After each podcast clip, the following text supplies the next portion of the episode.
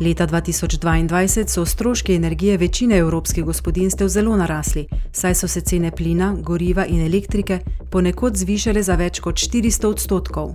Vse več ljudi obenem išče vire energije, ki so za okolje manj škodljivi kot tradicionalna fosilna goriva.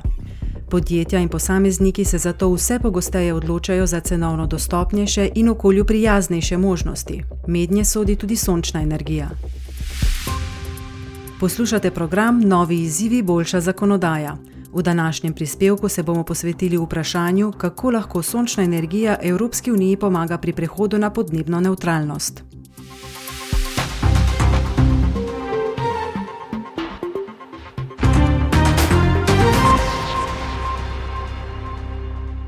Sončna energija ima veliko koristi, saj je cenovno dostopna in čista.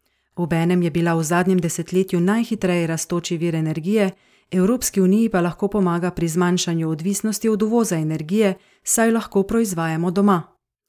Kaj pa je sončna energija? Po razlagi Mednarodne agencije za energijo gre za pretvorbo sončne svetlobe v uporabne oblike energije. Eurostat pa sončno energijo deli na fotonapetostno in sončno toplotno energijo, to je toploto pridobljeno iz sončnega sevanja. Po podatkih Evropske komisije je sončna fotonapetostna energija trenutno eden cenovno najdostopnejših virov elektrike, saj se je v zadnjem desetletju njena cena zmanjšala za kar 82 odstotkov. Komisija tudi meni, da cenovna dostopnost ni edina prednost sončne energije, saj jo lahko državljani unije tudi sami proizvajajo, bodi si individualno, bodi si kolektivno. Sektor sončne energije pa ni pomemben le zaradi proizvajanja elektrike in toplote, saj nudi tudi nova delovna mesta in priložnosti za podjetja. Ta sektor pa ima tudi pomankljivosti. Na tem področju je pred nami še kar nekaj izzivov. Večina obnovljivih virov energije je namreč nestalna in spremenljiva. Količina sončne energije je odvisna od vremena in geografskega položaja, njena proizvodnja pa se med državami zelo razlikuje. Za pridobivanje sončne energije je potreben prostor, za katerega pa se potegujejo tudi sektori kmetijstva, gradbeništva in infrastrukture. Poleg tega v sektorju primankuje usposobljenih delavcev in prostora za hrambo energije, začetni stroški postavitve obratov pa so zelo visoki. Glavna proizvajalka sončnih fotonapetostnih panelov je Kitajska, zato obstaja tveganje, da bi eno energetsko odvisnost zamenjali z drugo. Evropska unija si prizadeva, da bi z ustreznim okvirom in zakonodajo premagala te ovire in izkoristila celoten potencial sončne energije v uniji. Se sprašujete, kako? Poglejmo najprej težave pri oskrbi z energijo in sankcije zaradi ruskega napada na Ukrajino. Evropska komisija je maja 2022 predstavila načrt Repower EU.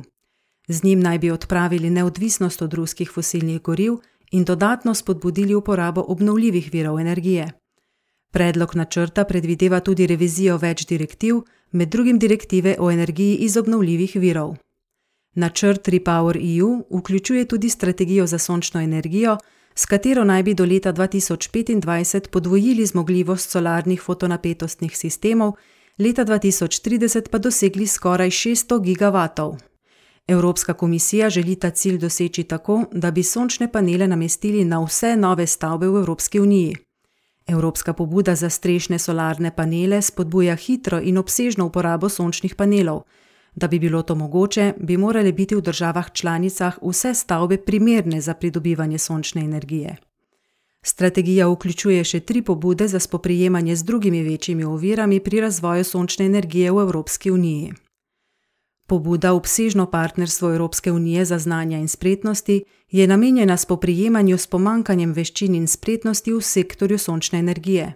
Pobuda Evropsko zavezništvo fotonapetostne industrije bo spodbujala širitev odporne industrijske vrednostne verige sončne energije v Uniji, zlasti pa v sektorju fotonapetostnih sistemov.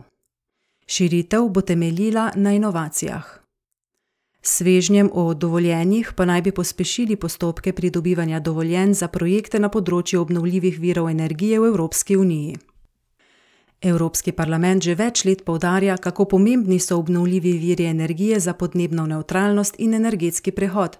V zadnjih treh letih je v več resolucijah opozoril na potencial, ki ga ima dodatno izkoriščanje sončne energije na ravni distribucije za državljane, industrijo in javni sektor. Predlagal je odstranitev administrativnih ovir za proizvodnjo obnovljivih virov energije. Pozval je tudi k priznanju tehnologij obnovljivih virov energije kot strateške vrednostne verige in k vzpostavitvi zavezništva, ki bo podpiralo prizadevanja za razširitev teh tehnologij. Evropska unija si prizadeva za zmanjšanje odvisnosti od uvoza energije in spodbuja zeleni prehod, predstavljen v Evropskem zelenem dogovoru, zato je energija iz obnovljivih virov vse pomembnejša.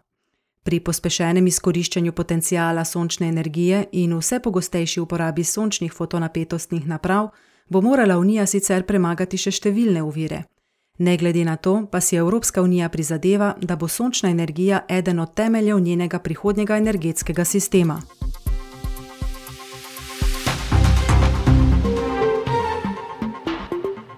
To je bil prispevek Evropskega parlamenta.